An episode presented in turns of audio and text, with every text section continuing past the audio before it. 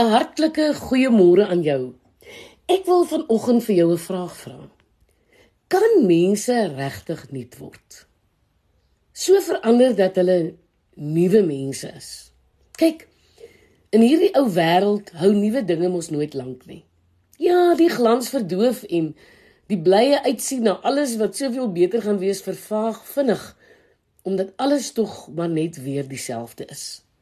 Jong, maar as jy regtig wil weet of mense waarlik kan anders word, moet jy eerder na die Bybel kyk.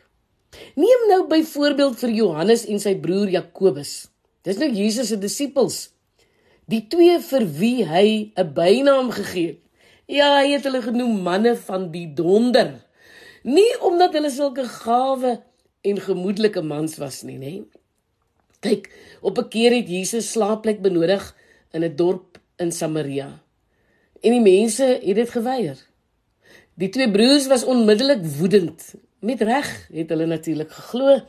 Dis mos onaanvaarbaar dat Jesus gasvryheid geweier word. Hulle nooi vir Jesus om saam met hulle te bid vir vuur wat die dorp sal verwoes. Kan jy glo? Maar hy laat dit nie toe nie. En hy spreek hulle kwaai aan.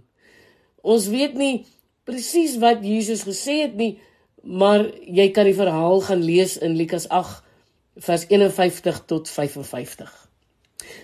Nou in Handelinge 8 vanaf vers 4 kom ons weer vir Johannes te en weer gaan dit oor iets wat in Samaria gebeur het.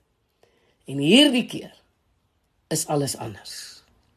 Die Samaritane het die evangelie gehoor en Jesus aangeneem. Toe Johannes dit hoor, reis hy op sy kenmerkende kragdadige manier dadelik na Samaria. Voor jy begin lees. Ja. Hy wil weer vir hulle bid. Jong maar hierdie keer wil hy nie bid vir hulle verdelging nie. Nee, hy bid vir hulle seën af.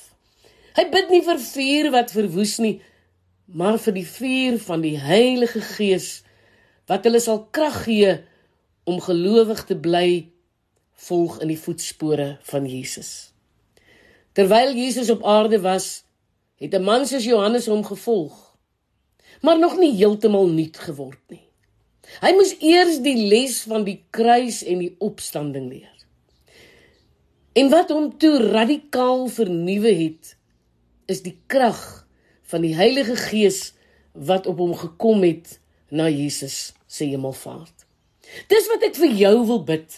Jong mag die krag van die Heilige Gees jou so naby aan Jesus en sy boodskap van liefde trek dat jy hartgrondig verander sal word. Elke dag meer en meer sodat jy saam met 2 Korintiërs 5 vers 17 kan sê ja die oue is vir my verby die nuwe het gekom. Mag dit so wees in jou hart. Vra altyd vir jou wat is die stand van jou hart? Jy sien Matteus 15 vers 18 sê maar die dinge wat uit iemand se mond kom wat hy of sy sê kom uit die binneste van daardie mens Ons is geneig om aan die hart as die setel van emosie te dink. Ons praat van harte dief en hartseer en 'n gebroke hart. Die wat rein van hart is, is geseënd. Toe Jesus dit gesê het, het hy dit aan 'n in 'n ander konteks bedoel. Vir die mense wat na Jesus geluister het, was die hart die totaliteit van die innerlike persoon, die beheertoring, die stuurkajuit.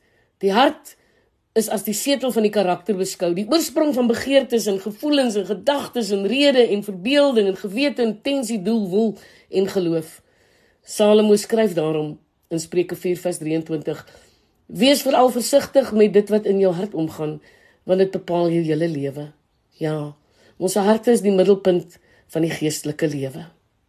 Mag jy elke dag so lewe dat jy splinternuut voor God en voor mense sal wees. Ek is Lenet Beer vir Radio Kansel.